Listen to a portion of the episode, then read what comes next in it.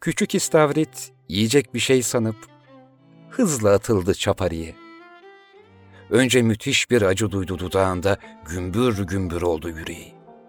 Sonra hızla çekildi yukarıya. Aslında hep merak etmişti denizlerin üstünü. Neye benzerdi acep gökyüzü? Bir yanda büyük bir merak, bir yanda ölüm korkusu. Dudağa yarıklar denir, şanslıdır onlar. Hani görüp de gökyüzünü ve insanı, oltadan son anda kurtulanlar. Ne çare, balıkçının parmakları acımasızca kavradı onu. Küçük istavrit anladı, yolun sonu. Koca denizlere sığmazdı yüreği oysa, şimdi yüzerken küçücük yeşilleğende cansız uzanı vermiş dostlarına değiyordu minik yüzgeci. İnsanlar gelip geçtiler önünden. Bir kedi yalanarak baktı gözünün içine. Yavaşça karardı dünya. Başı da dönüyordu. Son bir kez düşündü derin maviyi, beyaz mercanı, bir de yeşil yosunu. İşte tam o anda eğilip aldım onu. Yürüdüm deniz kenarına. Bir öpücük kondurdum başına. İki damla gözyaşından ibaret sade bir törenle saldım denizin sularına. Bir an öylece baka kaldı. Sonra sevinçle daldı gitti. Tüm kederimi söküp atarak teşekkürü de ihmal etmemişti. Birkaç değerli pulunu elime, avuçlarıma bırakarak. Balıkçı ve kedi şaşkın baktılar yüzüme. Sorar gibiydiler, neden yaptın bunu, niye? Bir gün dedim, bulursam kendimi yeşilleğendeki küçük istavrit kadar çaresiz. Son ana kadar hep bir umudum olsun diye.'' E ne demişler? Son ana kadar umudunu yitirmeyeceksin. Bitince bitmez. Umudunu yitirince biter.''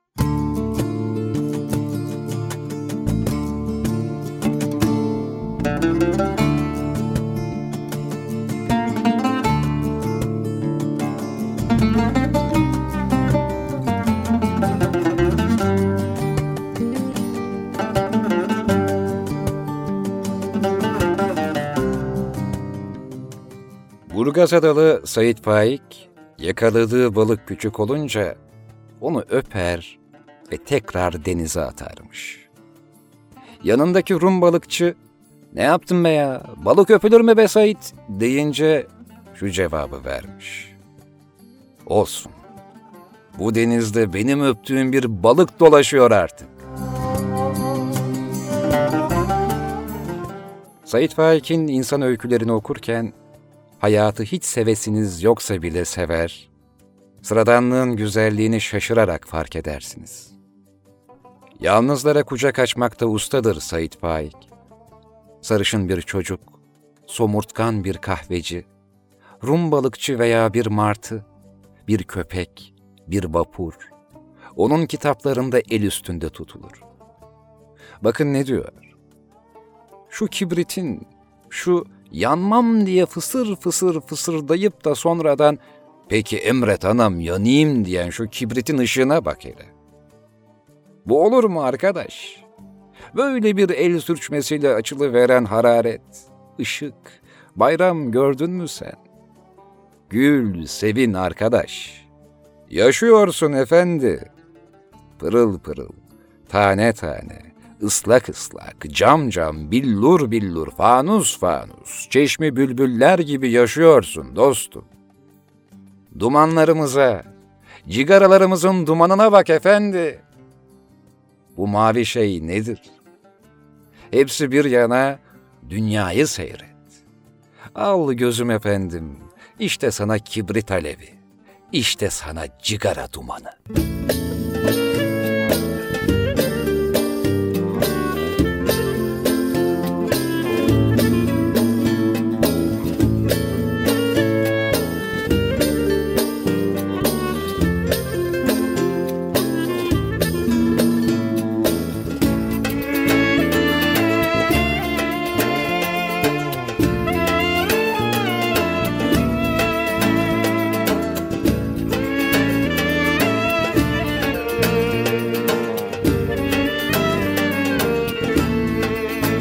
Annemin plakları. Sigaramın dumanına sarsam, saklasam seni. Sigaramın dumanına sarsam, saklasam seni. Gitme gitme gittin yollardan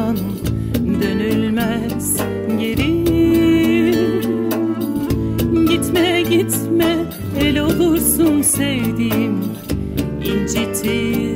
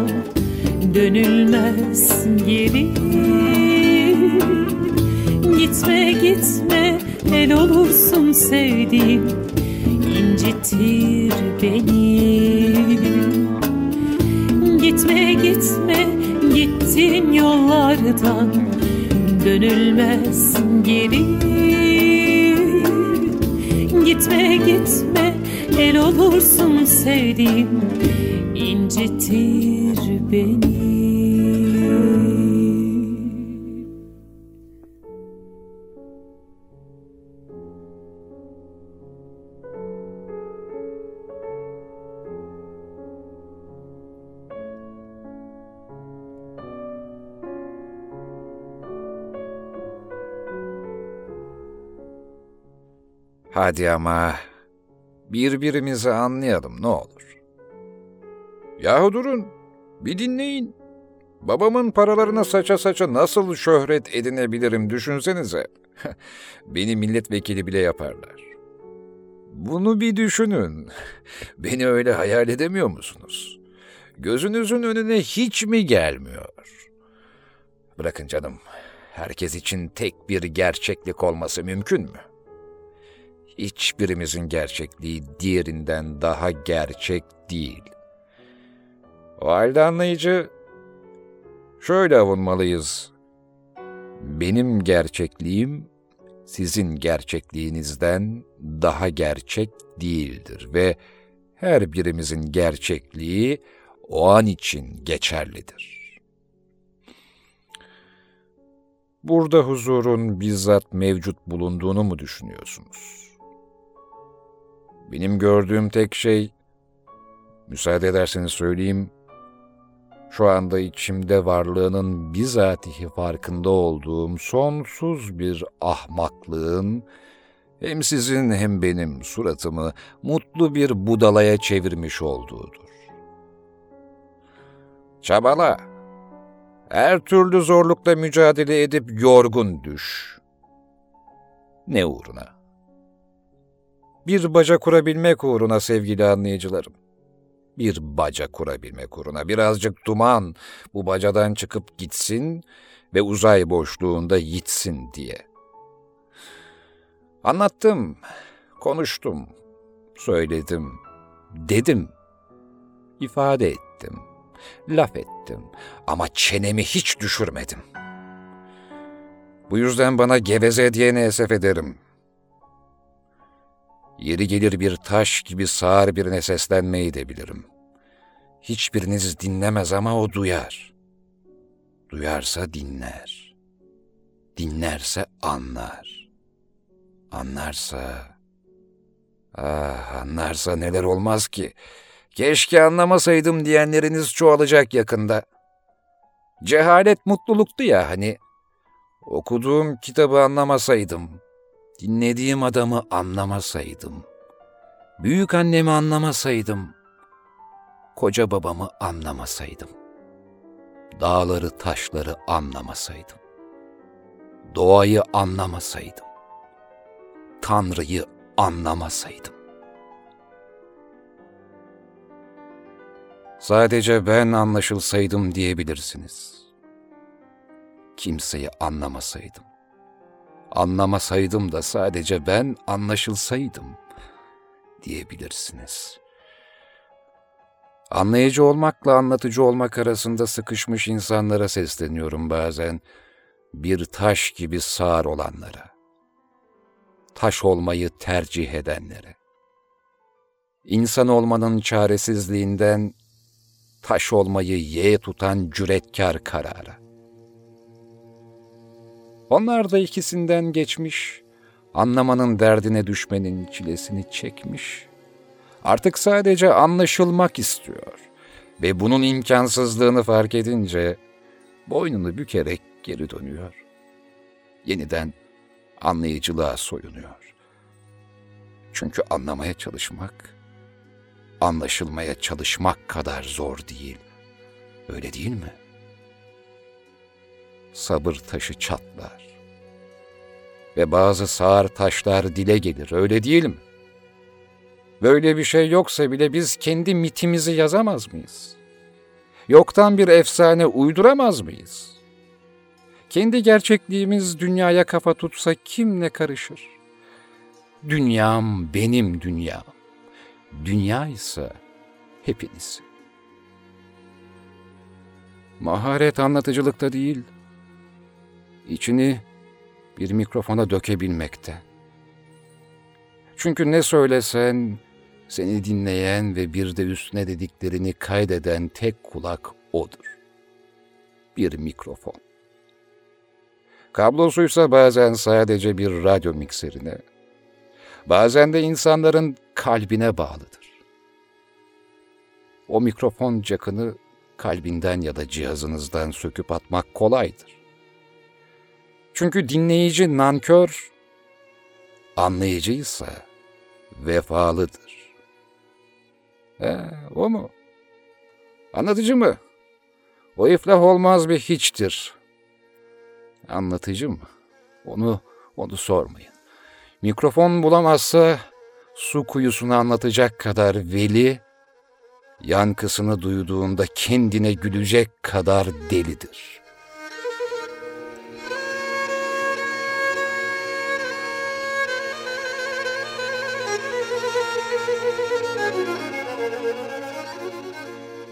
Hem siz hem de ben aynı dili, aynı kelimeleri kullandık. Ama kelimelerin içi boşaltıldı işte.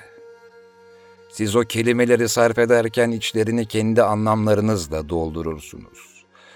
Bana ulaştıklarında ister istemez ben de onların içine kendimce manalar üflerim.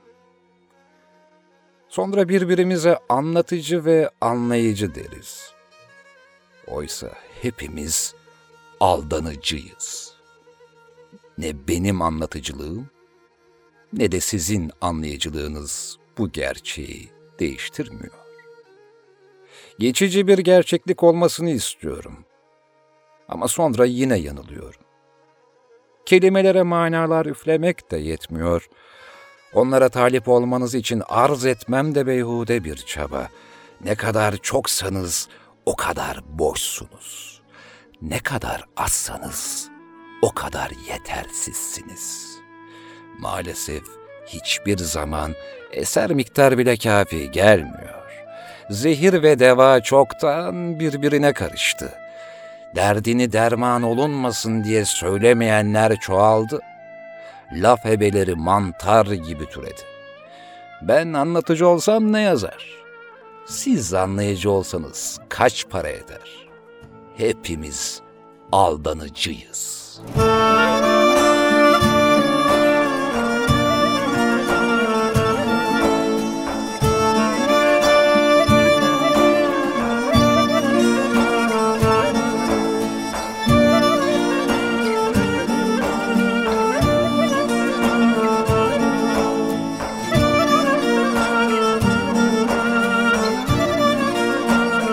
Annemin plakları.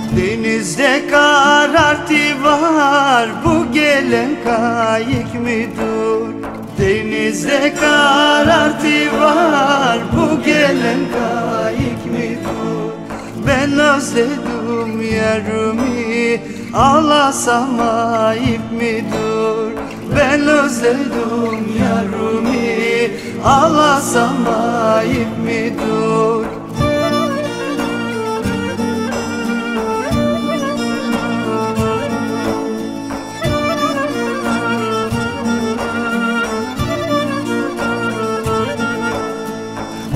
Dumanlar dumanlar hep dalları sardınız Oy dumanlar dumanlar hep dalları sardınız Yüreğimin derdini bilseniz ağlardınız Yüreğimin derdini bilseniz ağlardınız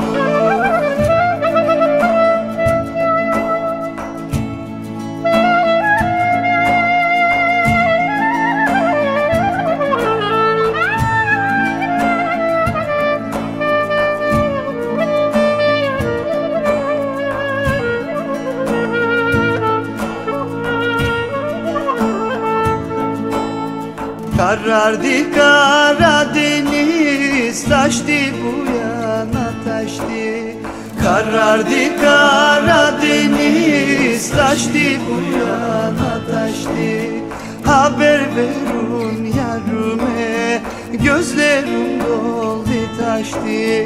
Haber verun yarime gözlerim doldu taştı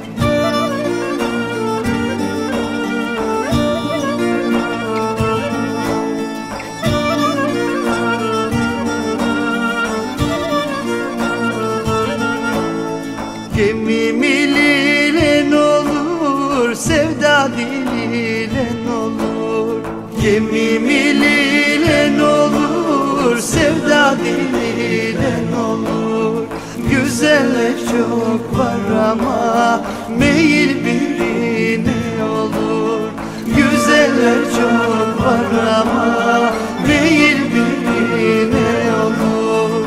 Güzeller çok var ama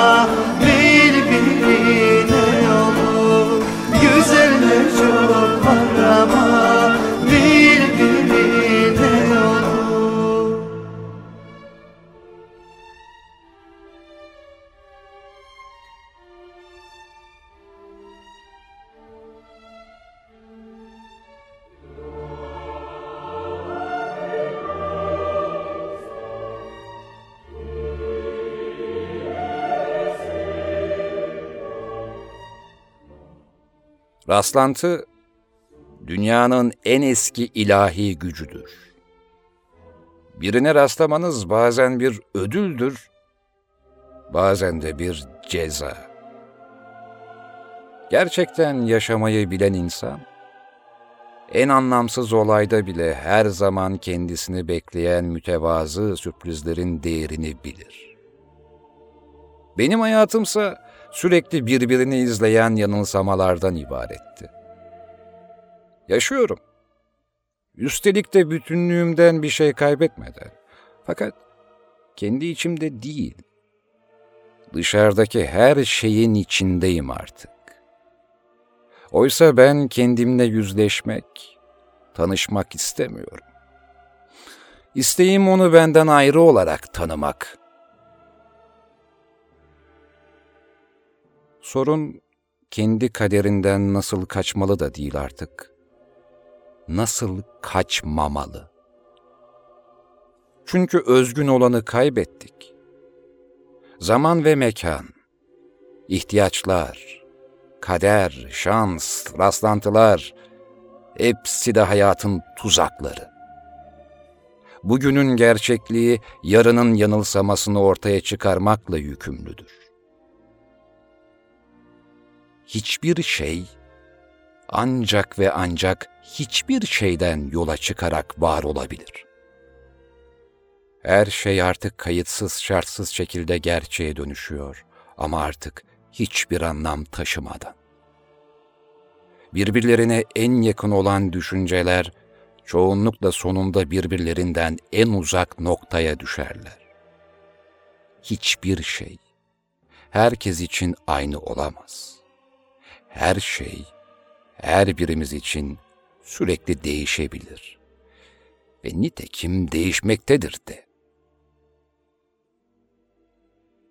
Kendine itaat etmemeyi becerebilmek özgürlüğün son evresidir. İç dünyanızla yaşıyor ama dış dünyada yürüyorsunuz. Yalnızlık her zaman size dair bir durum değildir. Bazen de sizsiz olma halidir. Yalnızlık asla sizi de kapsamaz. Sizi daima dışarıda bırakır ve sadece çevrenizde yabancı birinin var olmasıyla mümkündür. Hayatımı yaşarken bana ait hiçbir görüntüyü temsil etmiyordum. O halde neden oradaki bedeni ille de bana ait bir görüntüymüş gibi kabul etmeliyim ki? Gözlerimi kapalı tuttuğum sürece iki kişiyiz.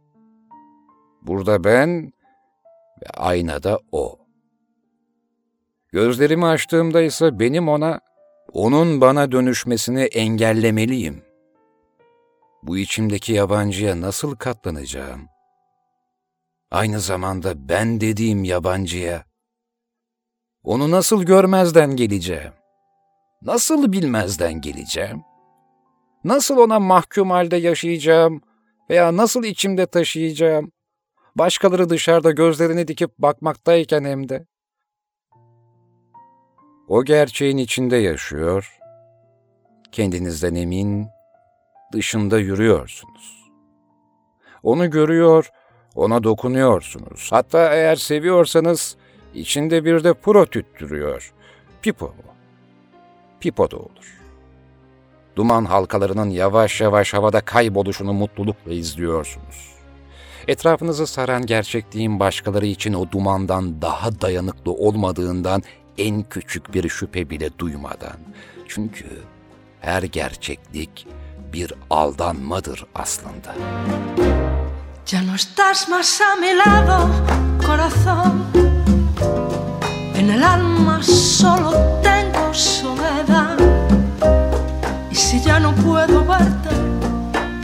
Me hizo quererte para hacerme sufrir más. Siempre fuiste la razón de mi existir.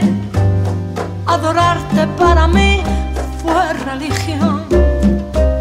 Y en tus besos yo encontraba el calor que me brindaba el amor y la pasión. Es la historia de un amor como no hay otro igual, que me hizo comprender todo el bien, todo el mal, que le dio luz a mi vida, apagándola después. Ay, qué vida tan oscura, sin tu amor no viviré. Ya no estás más a mi lado, En el alma solo tengo soledad. Y si ya no puedo verte, porque Dios me hizo quererte para hacerme sufrir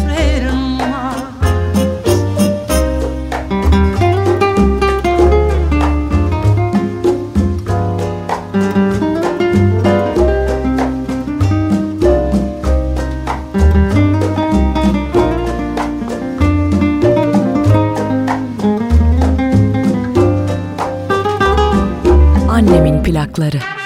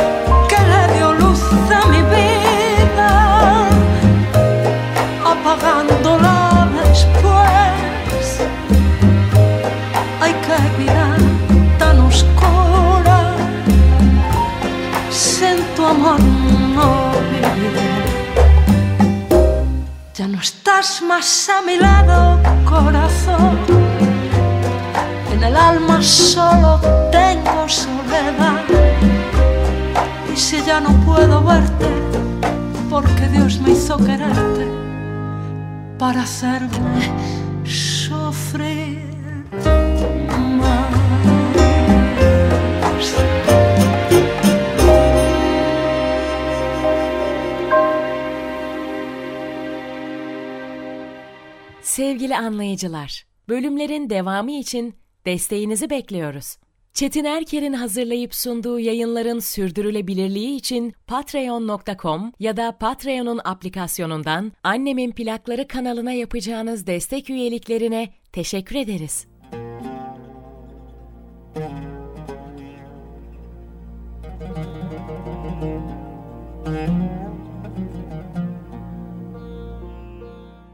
Benim sizin gözünüzdeki gerçekliğim, sizin bana verdiğiniz biçimden ibaret. Ama bu yalnızca sizin gerçekliğiniz. Benimki değil. Diğer yandan sizin benim gözümdeki gerçekliğiniz, benim size verdiğim biçimden ibaret. Ama bu yalnızca benim gerçekliğim.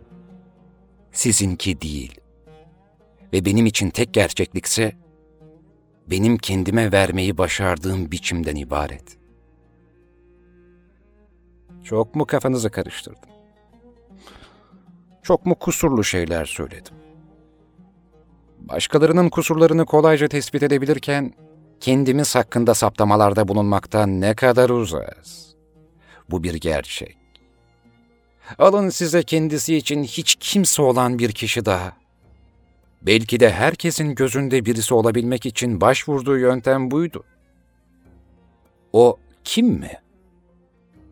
Önemli mi? Hayat isimler hakkında bir şey bilmez anlayıcı. Ama ellerini tanır. Sekiz milyara yakın insanın ellerini birbirinden ayırır. O ellerle ne inşa ettiğini, ne yıktığını da gayet iyi bilir. İsimler önemli değil birbirinin aynı isimlerle dolu dünya. Ama parmak iziniz öyle mi ya? Parmak izi bir işe yaramaz. Delili bırakmaktan başka. Ama o izin ait olduğu parmak, o parmağın ait olduğu el, o elin ait olduğu kol gücü çok işe yarar. Masa başında imza atarak mesai yapmaktan bahsetmiyorum kerpiçten ev yapanların, sanayide saç levha kesenlerin, ocakta demir dökenlerin ve sanatçıların ellerinden, kollarından bahsediyorum. Küçücük bir kuşu kendine arkadaş edinmiş, yalnız bırakılmış bir insanın parmağının izinin kuş için bir önemi yoktur. Onun sıcacık kafasını sevsin yeter.'' Kişiye de hayata tutunmak için bazen bir kuş kafası yeter. kuş kafası için kuş kafesi gerek. Kuşu evde sevebilmek için onu hapsetmek mi gerek? Ve ben şimdi kuş falan derken aman adam kuş böcek çiçek diyor deyip kanalı değiştirmek isteyene ne demek? Gerek. Ben anlatıcı, sen anlayıcı. Ama biz anlaşamıyoruz galiba. Belki de bu ötüş ve gıcırtı iyi anlaşıyorlar. Kafese hapsedilmiş kuşla sandalyeye dönüşmüş ceviz ağacının kısacık hikayesi işte böyle.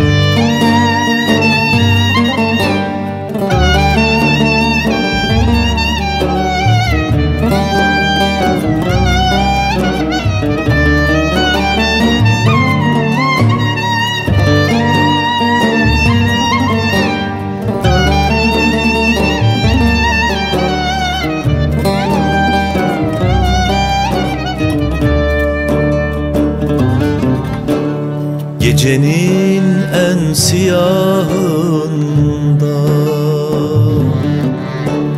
Umudun bittiği yerdeyim. Gecenin en siyahında. Umudun bittiği yerdeyim.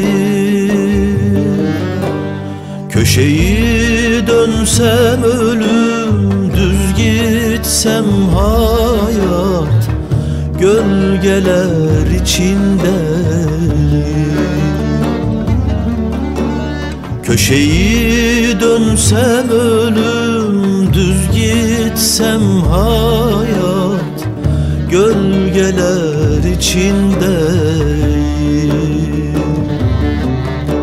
Sen imkansızsın. Sensizlik imkansız. Aşk imkansız. Sen imkansızsın. Sensizlik imkansız. Aşk imkansız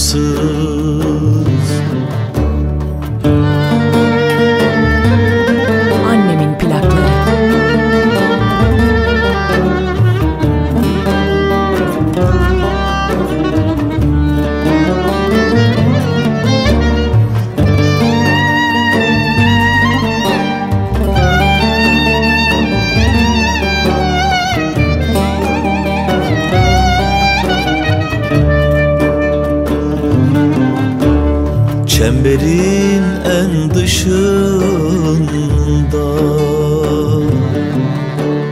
En çıkmaz sokaktayım.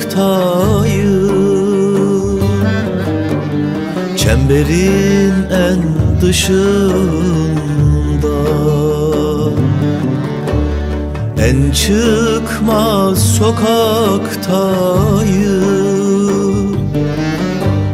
Çığlık atsam sessiz Sussam yine çaresiz.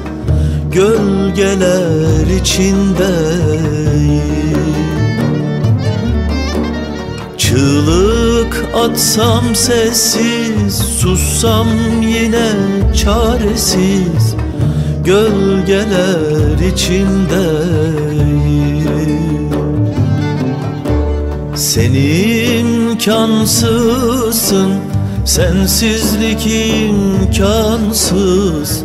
Aşk imkansız. Sen imkansızsın. Sensizlik imkansız. Aşk imkansız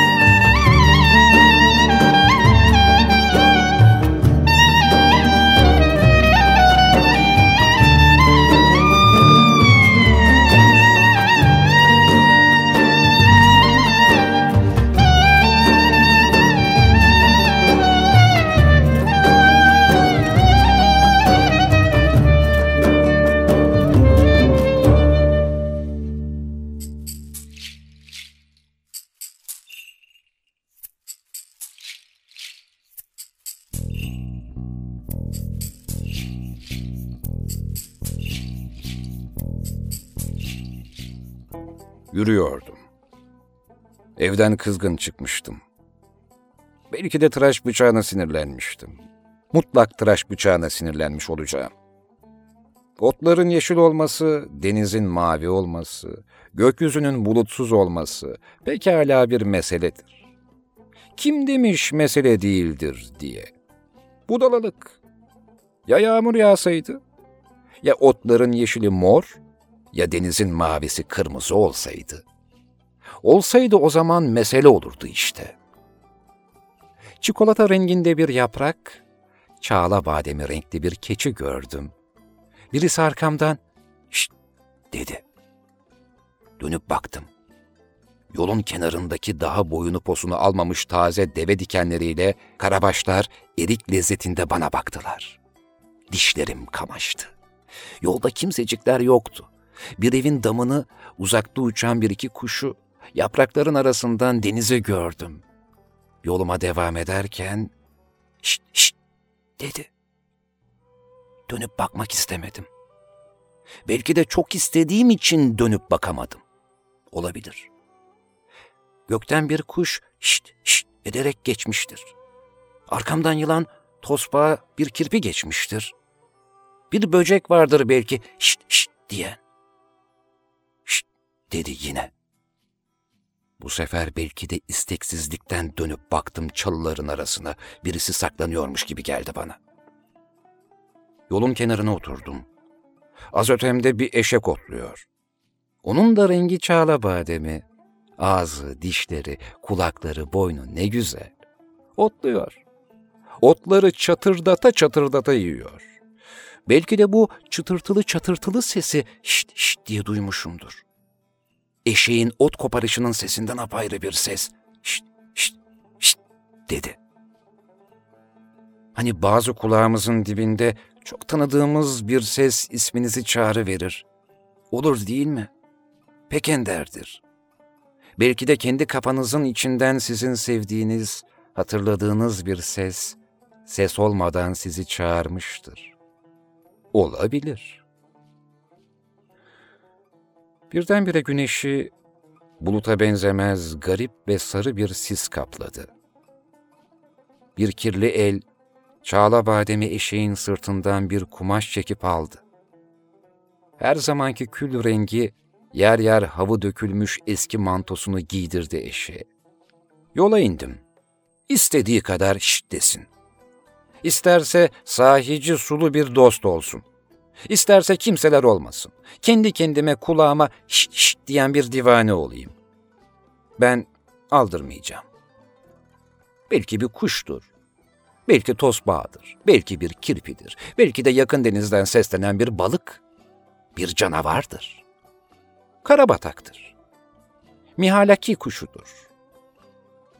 İsmi ben kendim şşt şşt derim. O zaman tamamı tamamına pek de şşt şşt seslenişine benzemeyen, benzemesin diye uğraştığım bir mırıldanmadır tutturdum. Birdenbire önümde bir adamla bir kadın gördüm. Kalpazankaya yolunu sordular. Üstündesiniz dedim. Sanki yol hareket etti. Yürümediler. İki adımda benden uzaklaştılar. Koyunların arasına yüzü koyun uzanmış papazın oğlunu gördüm. Yüzünden aptal, çilli oraza benzer bir mahluk kalktı. Ağzının salyasını sildi. Kuzuyu bacaklarından tuttu.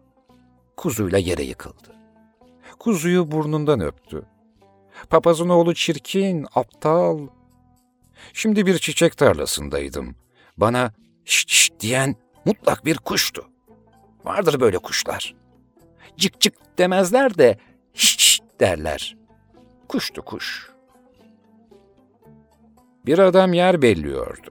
Belin demirine basıyor, kırmızıya çalan bir toprak altını üste aktarıyordu. Merhaba hemşerim dedim. O merhaba dedim. Tekrar işine daldı. Şşt şşt dedim. Aldırmadı. Bir daha şşt dedim. Yine aldırmadı. Hızlı hızlı şşt şşt şşt şşt dedim. Buyur beyim dedi. Bir şey söylemedim dedim. Küçük parmağını kulağına soktu. kaşıdı. Çıkarıp parmağına baktı. Belin sapına siler gibi yaptı. Şşt dedim. Yüzünü göğe kaldırdı. Kuşlara baktı, denize baktı, dönüp şüpheyle bana baktı. Bu sene enginarlar nasıl? dedim. İyi değil, dedi. Baklayı ne zaman keseceksin? Daha ister, dedi. Nefes alır gibi, şşt, dedim. Yine şüpheyle denize, şüpheyle göğe, şüpheyle bana baktı. Kuşlar olmalı, dedim. Benim de kulağıma bir ışırtı gelir ama, dedi, ne taraftan gelir? Zaten bu sırada bu kulağım ağırlaştı. Bir yıkatmalı, dedim. Benim de geçenlerde ağırlaşmıştı.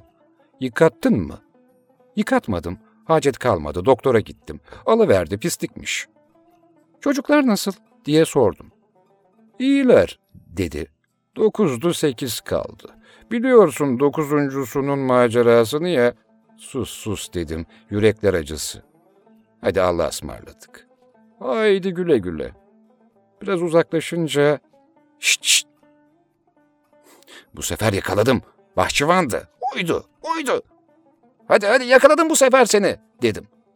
Yok vallahi dedi. Vallahi daha kesmedim bakla. Senden ne diye saklayayım, parasıyla değil mi? Sen değil misin hiş hiş diyen? Ben de duyarım bir ses ama bulamam nereden gelir. Nereden gelirse gelsin dağlardan, kuşlardan, denizden, insandan, ottan, böcekten, çiçekten gelsin de nereden gelirse gelsin. Bir hiç sesi gelmedi mi fena. Geldikten sonra yaşasın çiçekler, böcekler, insanoğulları. Шт шт. Шт шт. Шт.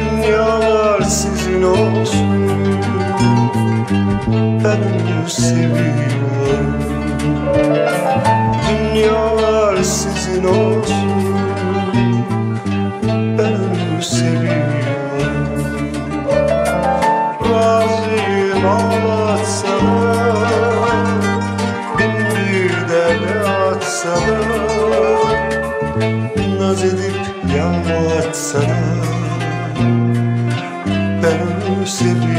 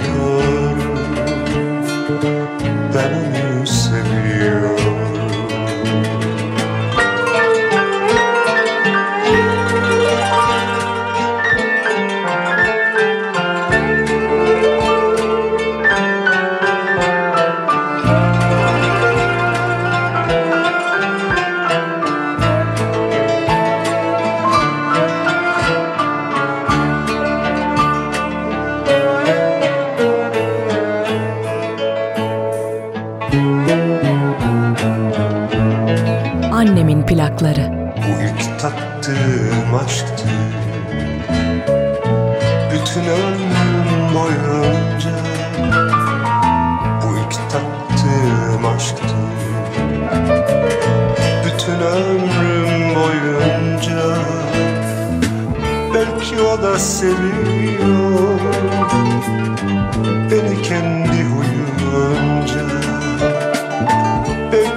da seviyor.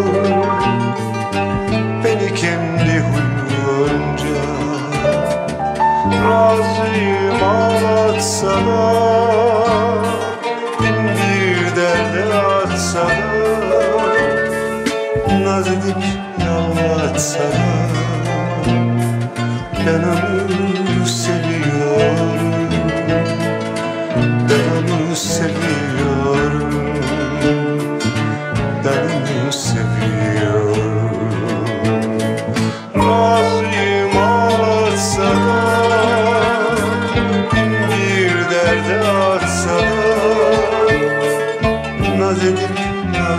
yalvatsana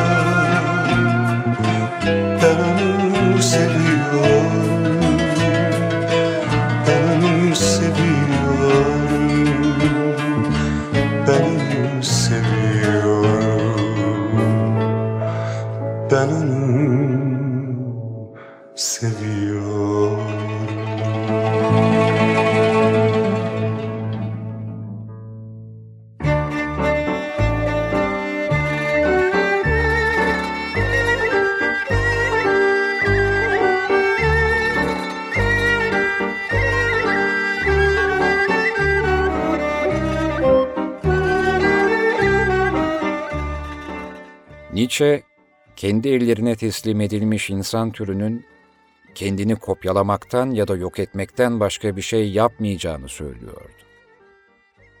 Ben de defalarca söyledim zaten. Birbirimizi taklit ediyoruz. Fakat trajikomik olan, taklit ettiğimiz de taklit ediliyor. Zaten bizim taklit ettiğimiz de başkasının taklidiydi. Hiç de kafa karıştırıcı geldi demeyin karışık bir cümle oldu anlamadım demeyin. Gayet açık işte.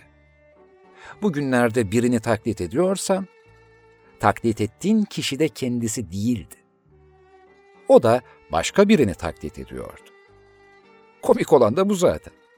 Aslında birini taklit ettiğini sansan bile, gerçekte kimi taklit ettiğini bilmiyorsun.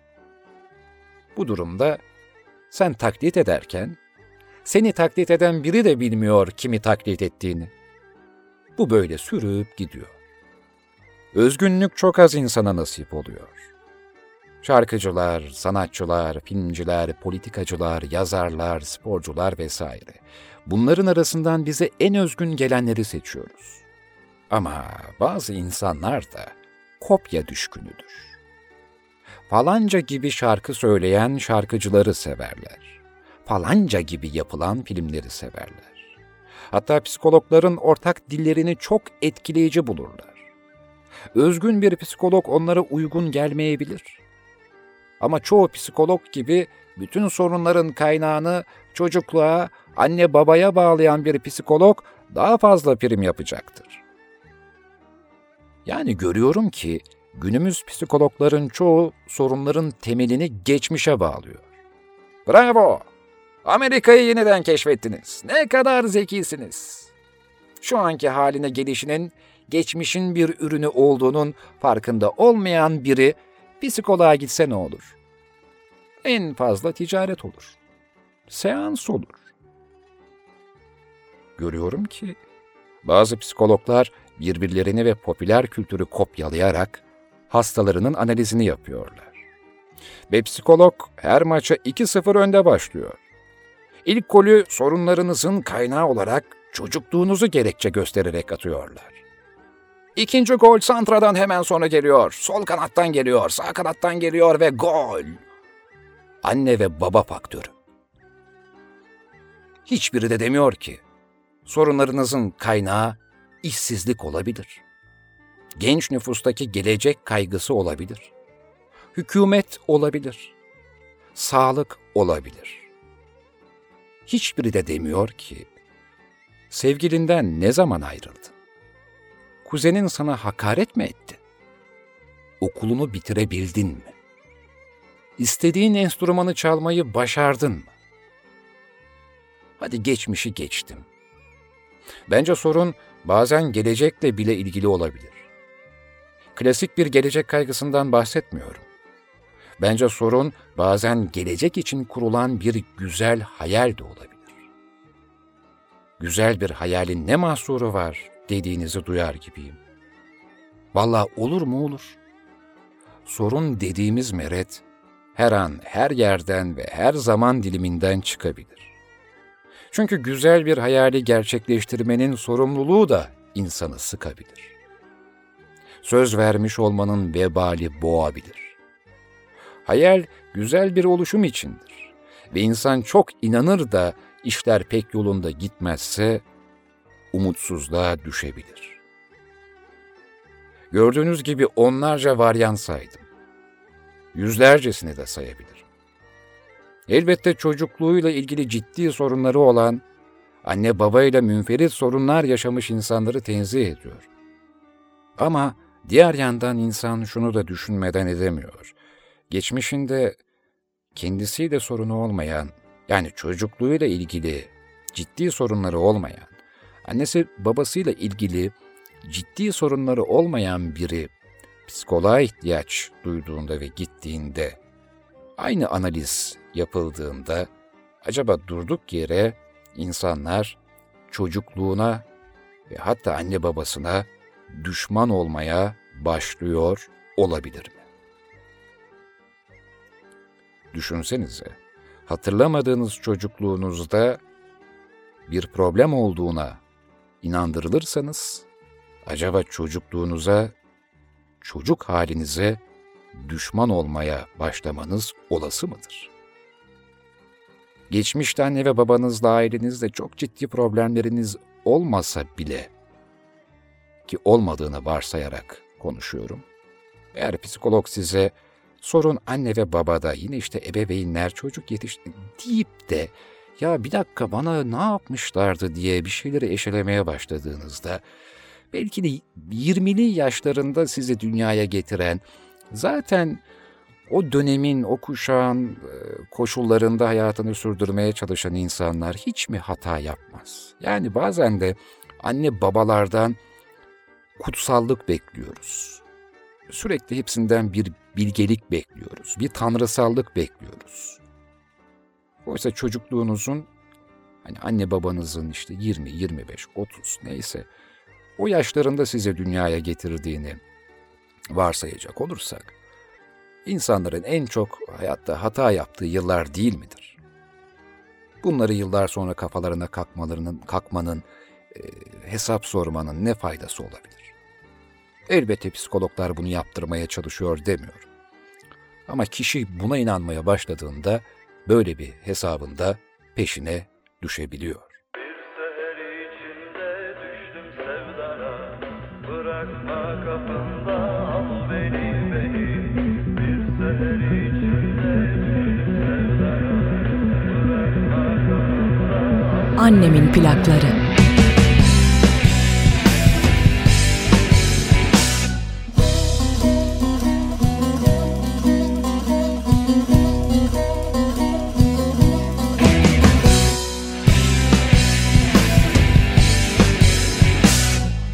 seher içinde düştüm sevdana. Bırakma kapında al beni beni. Bir seher içinde düştüm sevdana. Bırakma kapında al beni beni. Sitem edip yıkma gönlü bende mi? Zıbın et sevdanı sar beni beni. Yar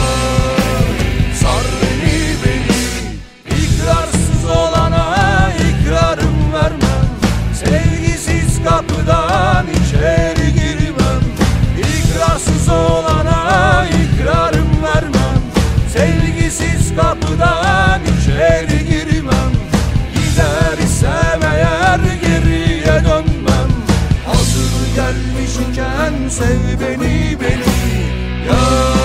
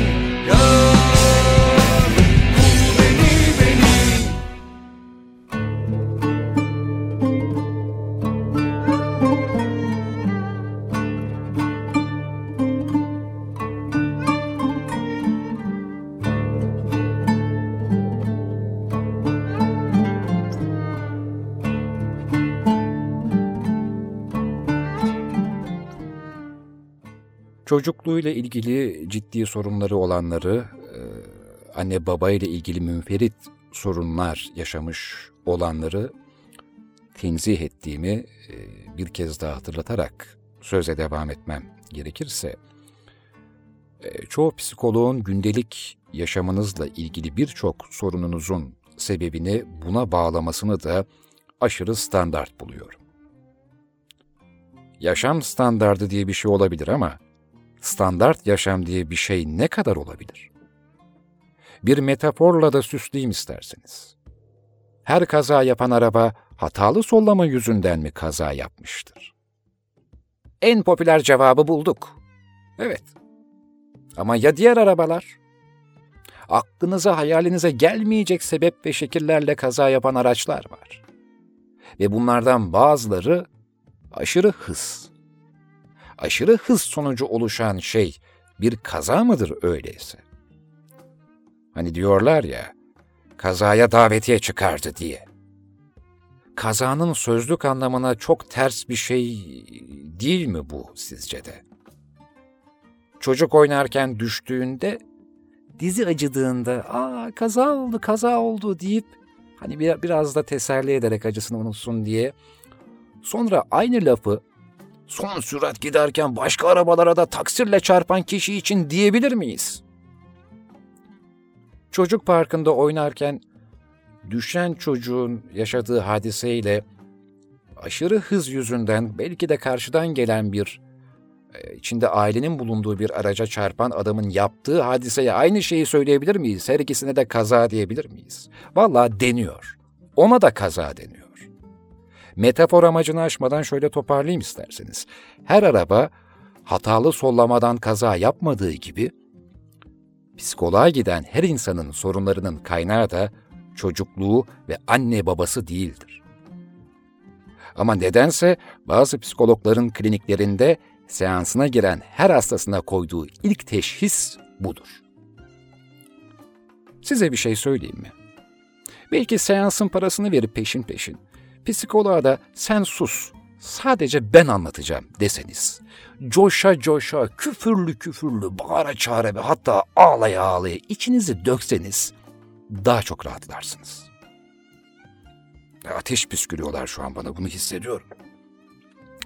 Evet, hissediyorum gibi oldu. Tabii şimdi bu yayını dinleyen psikolog arkadaşlar bana kim bilir neler söylüyorlar. Ee, Ama cümlelerime dikkat ederseniz hep bazıları dediğimin altını çizmek isterim. Belki de zaten işi layığıyla yapmayanları e, düşünecek olursak, işini güzel yapan psikologlar da onlardan şikayetçi değil midir? Yine liyakata geliyor. Bu yüzden lütfen üzerlerine alınmasınlar dersem bu kadar lafı ettikten sonra pek samimi olmayacak. Yani bunları söylüyorum ama psikologlar üzerlerine alım. Ya öyle, öyle saçma bir şey olabilir mi? Bazı yazarlar, anlatıcılar öyle yapıyor. Anlatıyor, anlatıyor, anlatıyor, işte eleştiriyor, kınıyor hatta gömüyor en son üzerlerine alınmasınlar. Vallahi zaten burada e, neyse şöyle devam edeyim. En azından e, belki daha gerçekçi olur. Aynı şeyleri ben kendi mesleğim için de söylüyorum. Bazı radyocular ve bazı podcastçiler çok kötü. diyebiliyorum mesela. Dolayısıyla ben mesleği değil, mesleği kötü icra eden kişilerden bahsediyorum. İster psikolog olsun, ister profesör olsun, ister radyocu olsun, ister yazar olsun, ister çizer olsun. Metafor bu ya. Derdinizi anlamaya çalışan psikologla size standart bir uygulama yapan psikolog arasında şöyle bir fark var bana göre. Mahalle bakkalıyla süpermarket patronu. Teşbih işte. Mahalle bakkalı halden anlar. Paranız yoksa sonra geçerken verirsiniz. Hatta deftere yazdırırsınız. Hatta taksiyle sokağınıza gelip paranız çıkışmadığında hemen bakkalınızdan para alıp taksiciye ödeyip onu gönderirsiniz. Sonra illaki bakkalınızda hesaplaşırsınız. Sizi üzgün görse hatır sorar. Sizi üzgün görmese yine hatır sorar. Peyniri sizin sevdiğiniz türden değilse sana gelmez der. Küçük boy salçanın teneke kutusunu hemen açar. Yarım ekmek kafi ise hemen keser. Ne bileyim evdeki küçük bir tadilat için çekiç penseye falan bile ihtiyaç duysanız ödünç verir. Mahalle bakkalı küçüktür ama sıcaktır. Çoğu samimidir. Oysa süpermarketin patronunu hiç görmemişsinizdir bile. Bırak tanışmayı. Çalışanları ise size kişisel olarak yardımcı olmaya yetkili değildir ve sizi o kadar tanımazlar. İşlerine bakan emekçidir onlar da. Son yıllarda motivasyon konuşmacıları, hikayeciler, hikaye anlatıcılığı, e, hikaye anlatıcılığı atölyeleri hatta seslendirme atölyeleri, e, kitap seslendirmeleri o kadar arttı ki aramızda ne kadar da özgün insanlar varmış dedirtiyorlar adeta. Bense içimden ağzı olan konuşuyor deyimini mırıldanıyorum. Ve ben mahalle bakkallarını severim. Hala kalanlardan bazılarını.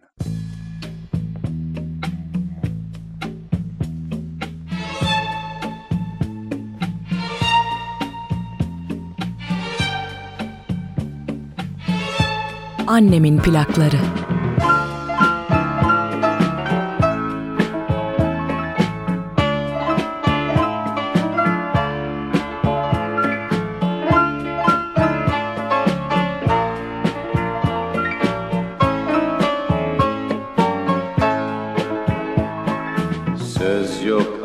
Anlatmaya seni. Ne olur söyletme beni. Ben aşk nedir yeni yeni? Anlıyorum, seviyorum. Söz yok anlatmaya seni. Ne olur söyletme beni. Ben aşk nedir yeni yeni? Anlıyorum, seviyorum. Durup durup ben sonunda. Seni bulmak ne güzelmiş. Durup durup ben sonunda. Seni bulmak ne güzelmiş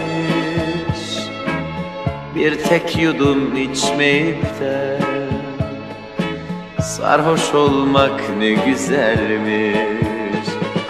Ben aşkınla bir tutsak Sanki kölen olmuşum. Seni çok sevdiğimden Zincire vurulmuşum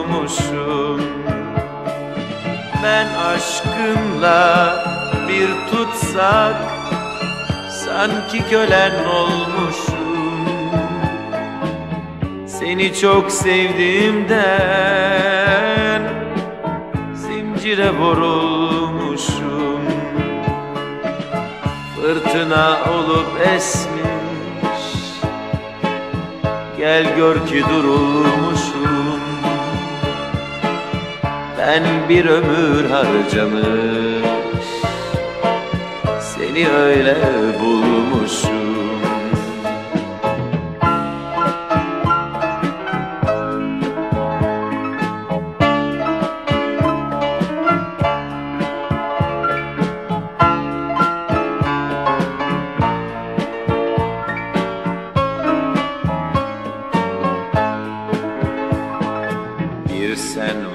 varsın bir de hasret.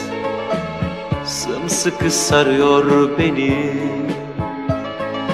O yollar kapansın bir bir. Almasınlar benden seni. Durup durup ben sonunda. Seni bulmak ne güzelmiş. Durup durup ben sonunda. Seni bulmak ne güzelmiş. Bir tek kadeh içmeyip de Sarhoş olmak ne güzelmiş. Ben aşkınla bir tutsak Sanki kölen olmuşum. Seni çok sevdiğimden Zincire vurulmuşum. Ben aşkınla bir tutsak Sanki kölen olmuşum. Seni çok sevdiğimden Zincire vurulmuşum. Fırtına olup esmiş Gel gör ki durulmuşum. Ben bir ömür harcamış of Seni böyle bulmuşum. Ben bir ömür harcamış Seni öyle bulmuşum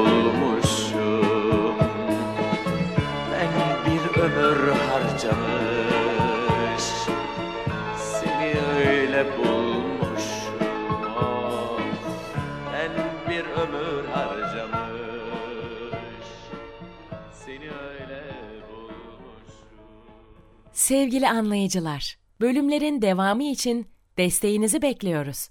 Çetin Erker'in hazırlayıp sunduğu yayınların sürdürülebilirliği için patreon.com ya da Patreon'un aplikasyonundan Annemin Plakları kanalına yapacağınız destek üyeliklerine teşekkür ederiz.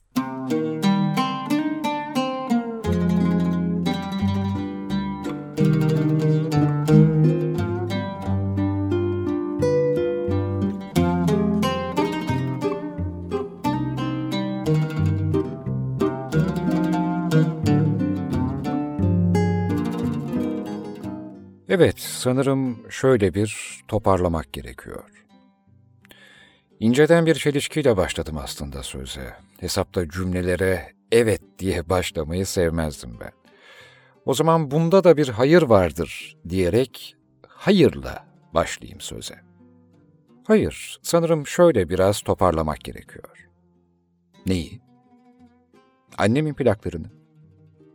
Plakların kendilerini mi? Hayır. Programın kendisini. Daha önce de birçok kez söylemişimdir. Annemin plakları bir müzik ya da plak programı değildir. Peki nedir? Valla geçenlerde bir arkadaşımla dramatik bir konuşma geçmişti aramızda. Şöyle demişti. Şahsen ben annemin plaklarını tarif etmeye cesaret edemem. Nedense bu sözü bana iltifat gibi geldi. Gayet zeki ve bilgili olan o arkadaşımın böyle söylemesi, ne yalan söyleyeyim hoşuma bile gitti. Yaptığınız şeyin kolayca tarif edilebilmesi hoş olmazdı değil mi? Rahat ifade edilebilen bir şey ne kadar çekici olur hem. Bu konuda pek tevazu gösteremeyeceğim. Bence de annemin plaklarını tarif etmek kolay değil. En fazla bir radyo programı deyip geçebilirsiniz ya da podcast'te monolog yapan bir adam var dersiniz. İşte içinde edebiyat, felsefiyat, sanat falan var diyebilirsiniz. Ama yine de ben şöyle bir toparlamak istiyorum. Çünkü bu yıl her ne kadar yayınlarımın yıl dönümü falan olmasa da bir dönemeç gibi geliyor bana ya da bir yol ayrımı. Bir dönüm noktası. Bilmiyorum işte. Yıllarca sadece sunarken, anlatırken, yaptığım şeyin ne olduğunu pek anlatmadım. Yine anlatacağım sayılmaz. Dedim ya, sanki şöyle bir durup geriye bakıp onlarca bölüm, onca laf, Onca şarkı, onca podcast, onca afiş, onca fragman. Biraz durup nefeslenmek istiyorum. Kendime kıyabilsem aslında susmak istiyorum. Zamanı geldi mi bilmiyorum. Hani derler ya meydanı boş bırakmamak lazım diye. Ve yıllardır meydandayız be abi. Pek bir şey olduğu yok. Abidik gubidik ne kadar az olan varsa hepsi de çok güzel topladı parsayı. Ben edebimle yayın yapacağım derken ahlaksızlığıyla prim yapan çok insan oldu. Onları dinleyen insanlar sayesinde çoğunun rahatı yerinde şimdi. Yani bu işler nasıl yapılırı unutturmamak için meydanı boş bırakma derlerdi bana ama şimdi bakıyorum da meydanda olmamla olmamam arasında pek bir fark olmayacak gibi.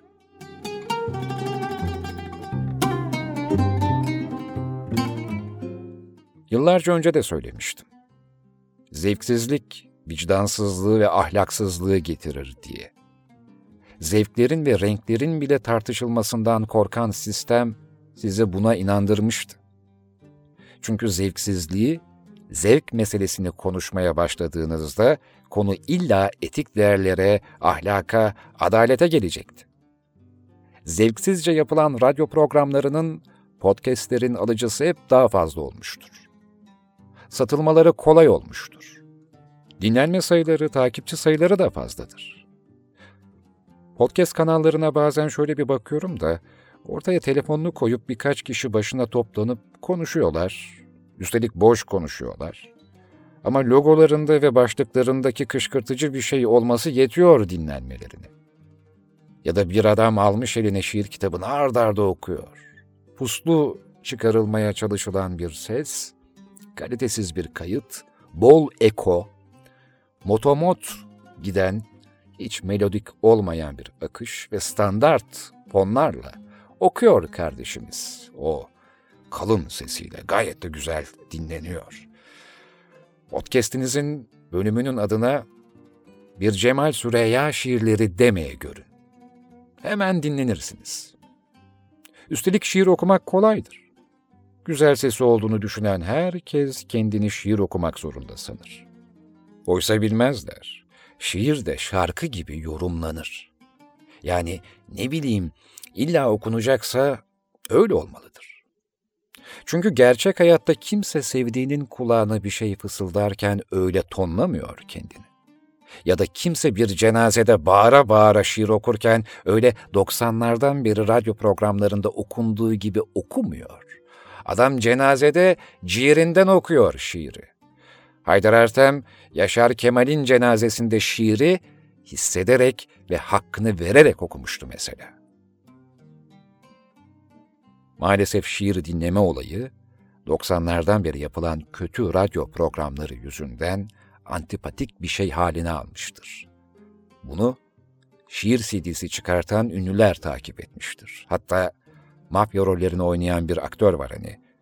Ahmet Arif'in şiirlerini okuduğu CD'sinde bir kibrit çöpüne demiştir. Yani P ile demiştir kibriti. Böyle şeyler e, bir ülkede 30 yıl kötü icra edilince hem zevksizlik artıyor hem de şiir okuma eylemi kulağa antipatik geliyor. Oysa özel radyolardan önce 70'lerde, 80'lerde şiir geceleri yapılırdı çeşitli mekanlarda mesela. O samimiyet, o sıcaklık, o duyguyu yaşayış bir daha kolay kolay oluşmadı, oluşamadı, oluşturmadılar. Bu yüzden geçenlerde de demiştim ama duymayanlar için bir kez daha diyeyim.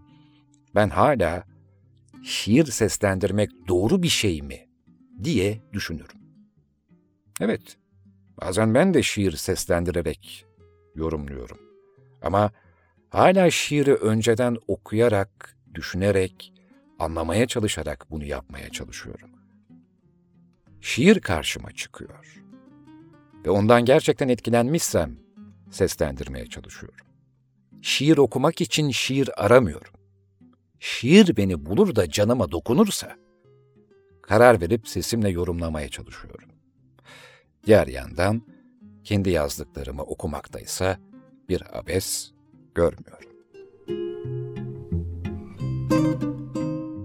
Oysa bu kulaklar önüne aldığı şiir kitabında sayfaları çevirip ilk kez gördüğü şiirleri okuyan yayıncıları da duydu. Dolayısıyla son zamanlarda bir seslendirme modası, seslendirme eğitimi, motivasyon konuşmacısıdır gidiyor. Eğitimle yetenek birbirine karıştırıldı. Eğitimli birikim de birbirine dolaşmış durumda. Her şeyin bir atölye çalışması başlatıldı. İlk başlarda seramik dersleri atölyesi mantıklı geliyordu bana mesela. Ama senaryo yazarlığı atölyesi, masalcılık atölyesi, güzel konuşma atölyesi, hikayecilik atölyesi, hitabet atölyesi, hede atölyesi, hödö atölyesi. Şimdi size bunları anlatırken de atölye yerine atölye dediğimin de farkındasınızdır. Aa, yanlış mı söylüyor? Bu kelimenin nasıl yazıldığını ve söylendiğini araştırırsanız çelişen sonuçlar bulabilirsiniz. Ancak ben eskiden atölye diye yazıldığını ve okunduğunu biliyorum. Çünkü gittiğim okulda tüm atölyelerin kapısında böyle yazıyordu. Atölye yazıyordu. Bu yüzden atölye demeyi tercih ediyorum ama atölye demek de yanlış değil. İki türlü de söyleyebilirsiniz yani. Atölye kelimesinin kökeninin de Fransızca atelierden geldiğini de not olarak düşelim isterseniz. Söylenişi geçelim. Peki ya anlamı? Atölye. Ressam, heykeltıraş gibi sanatkarların, fotoğrafçıların eserlerini hazırladıkları çalışma yeri. El işleriyle uğraşan zanaat erbabının toplu olarak çalıştığı yer, işlik. Örnek, marangoz atölyesi, torna atölyesi, nakış dikiş atölyesi. Valla benim bildiğim atölyenin anlamı bu.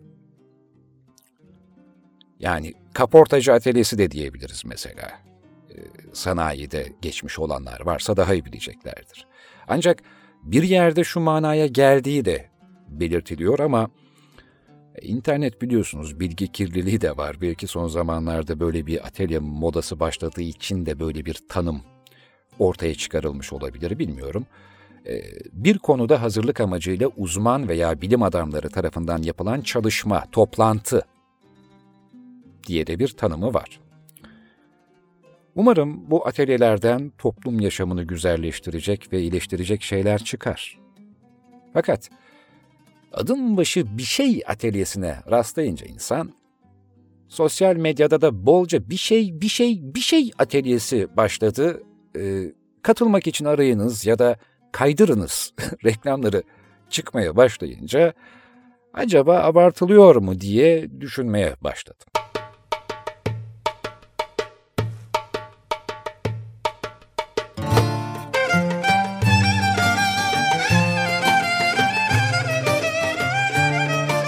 Annemin plakları.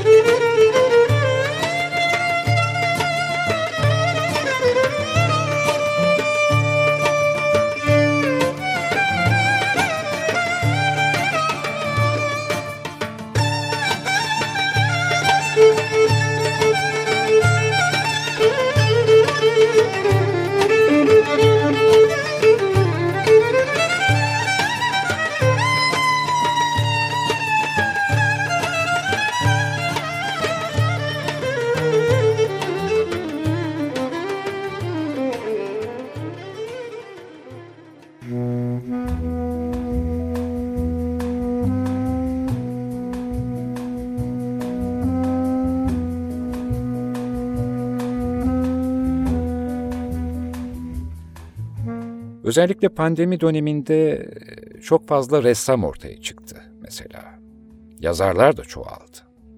Konuşmacılar, uzmanlar, iletişimciler, evindeki kitaplığının önünde masasında okuma lambası ve figürler eşliğinde bir şeyler anlatanlar. Yani bazıları çok güzel, gayet eğitici. Bazıları ise çok boş. Ama sonuç hepsinden bol miktarda var.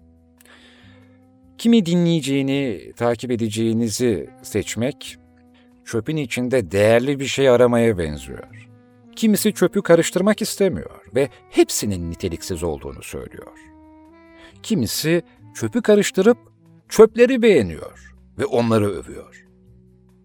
Çok azı ise çöpün içinden bir iki kıymetli yayın, nitelikli bir şeyler bulabiliyor.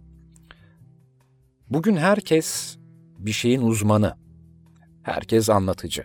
Herkes ressam, herkes yazar, herkes oyuncu, herkes stand-upçı, herkes şakacı, herkes kitap seslendirmeni, herkes felsefe kulübü sözcüsü, herkes yaşam koçu, herkes ilişki danışmanı, herkes motivasyon konuşmacısı falan filan hede hödü. Yani eskiden az olan ve parmakla gösterilen nitelikler nasıl oldu da bugün bu kadar çoğaldı?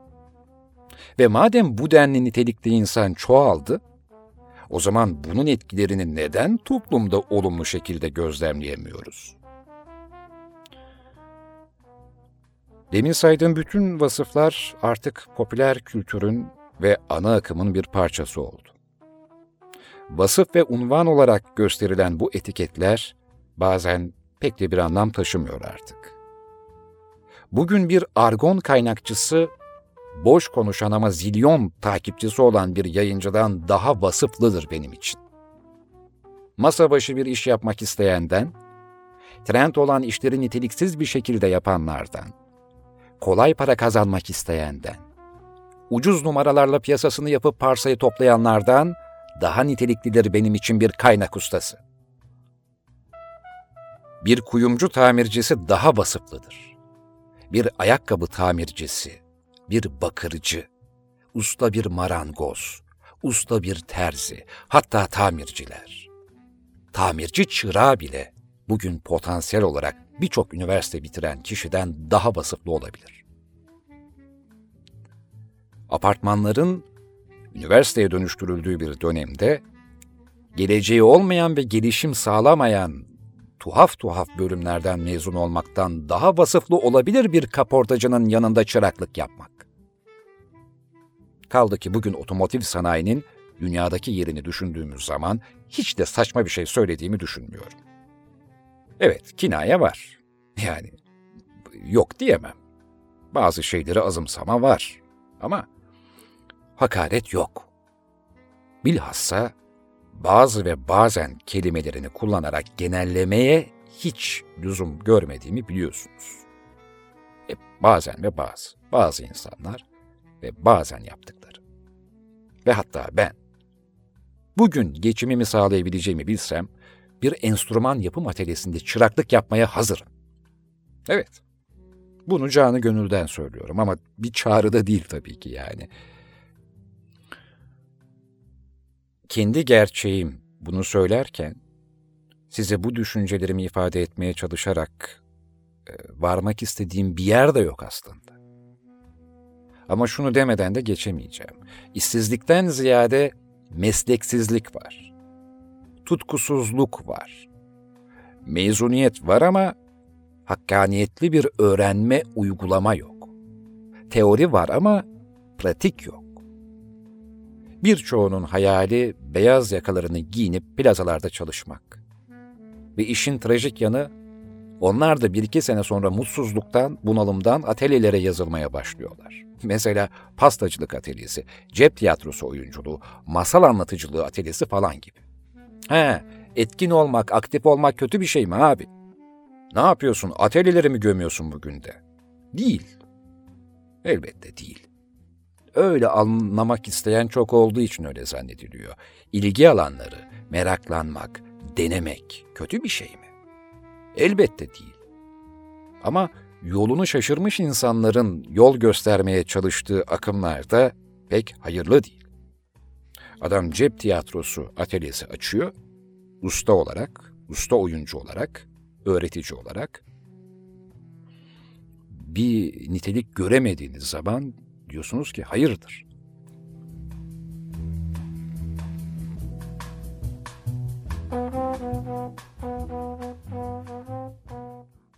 İşleri erbabından öğrenmek çok zor çünkü bugünlerde. Kalanların ahlaklısını bulmaksa çok zorlaştı. En sonunda işin ustasını eleyerek buldunuz diyelim.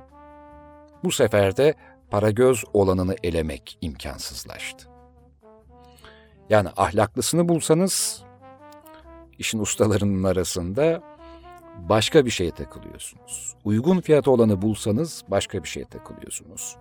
Her ikisi de uygun olsa ahlakıyla ilgili bir şeye takılıyorsunuz. Yani e, liyakat dediğimiz şey bugün sadece belki politikada konuşuluyor ama bence daha fazla sanat dünyasında, edebiyat dünyasında, yazın dünyasında, yayın dünyasında da konuşulmalı.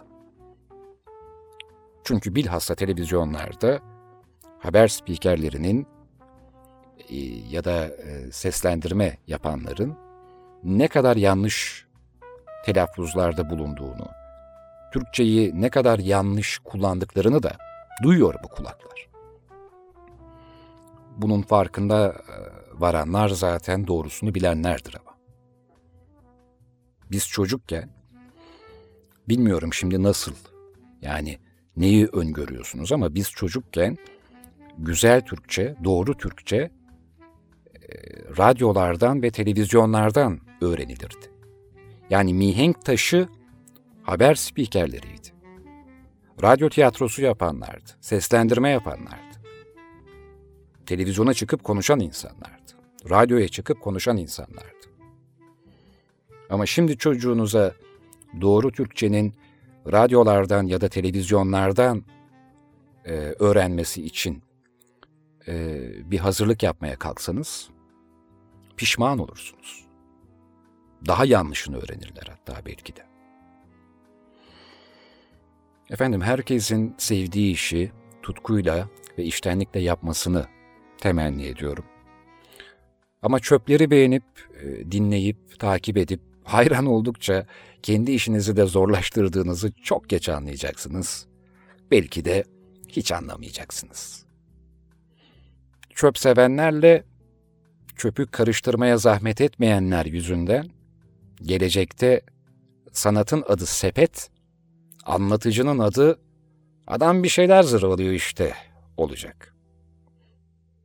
O günler geldiğinde ben de ya meydandan çoktan çekilmiş olacağım, meydanı boş bırakmadım, bu meydan boşluğu hak ediyor diyeceğim ya da hala buradayım, anladın mı anlayıcı diyeceğim. Siz de ukalalık etme, biz geri zekalı mıyız ki anlamayalım. Sen anlatamadın diyeceksiniz. Birbirimizin gönlünü kırıp evlere dağılacağız. Eskiler, büyüklerimiz her söze inanma, söylenene değil, söyleyene bak derlerdi. Şimdilerde ise ne söylenene ne de söyleyene güven kalmadı. En iyisi söyletene sığınarak susmak.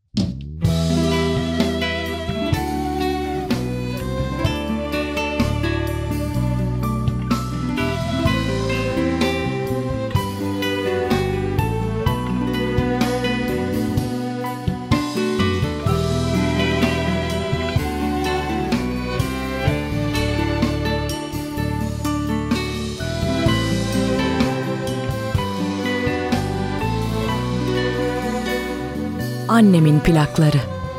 Haydi artık gidelim bu kapıdan. Işık söndü, ayaz bastı gönlüm. Tanıyanlar nereden diye sormadan. Terk edelim sokağını gönlüm gönlüm başımın belası.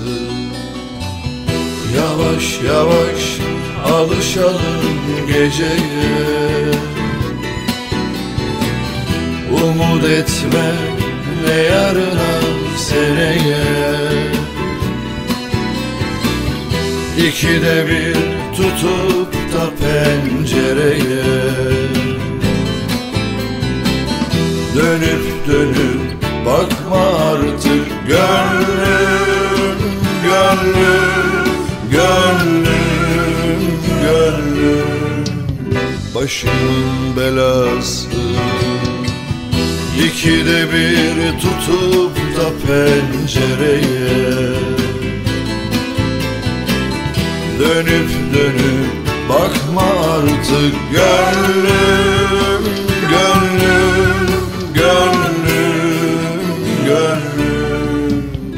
Başımın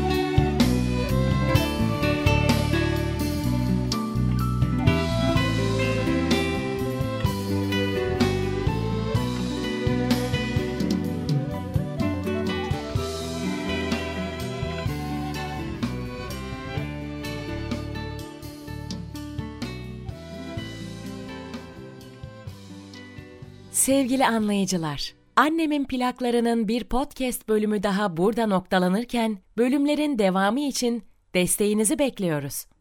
Çetin Erker'in hazırlayıp sunduğu yayınların sürdürülebilirliği için patreon.com ya da Patreon'un aplikasyonundan Annemin Plakları kanalına yapacağınız destek üyeliklerine teşekkür ederiz.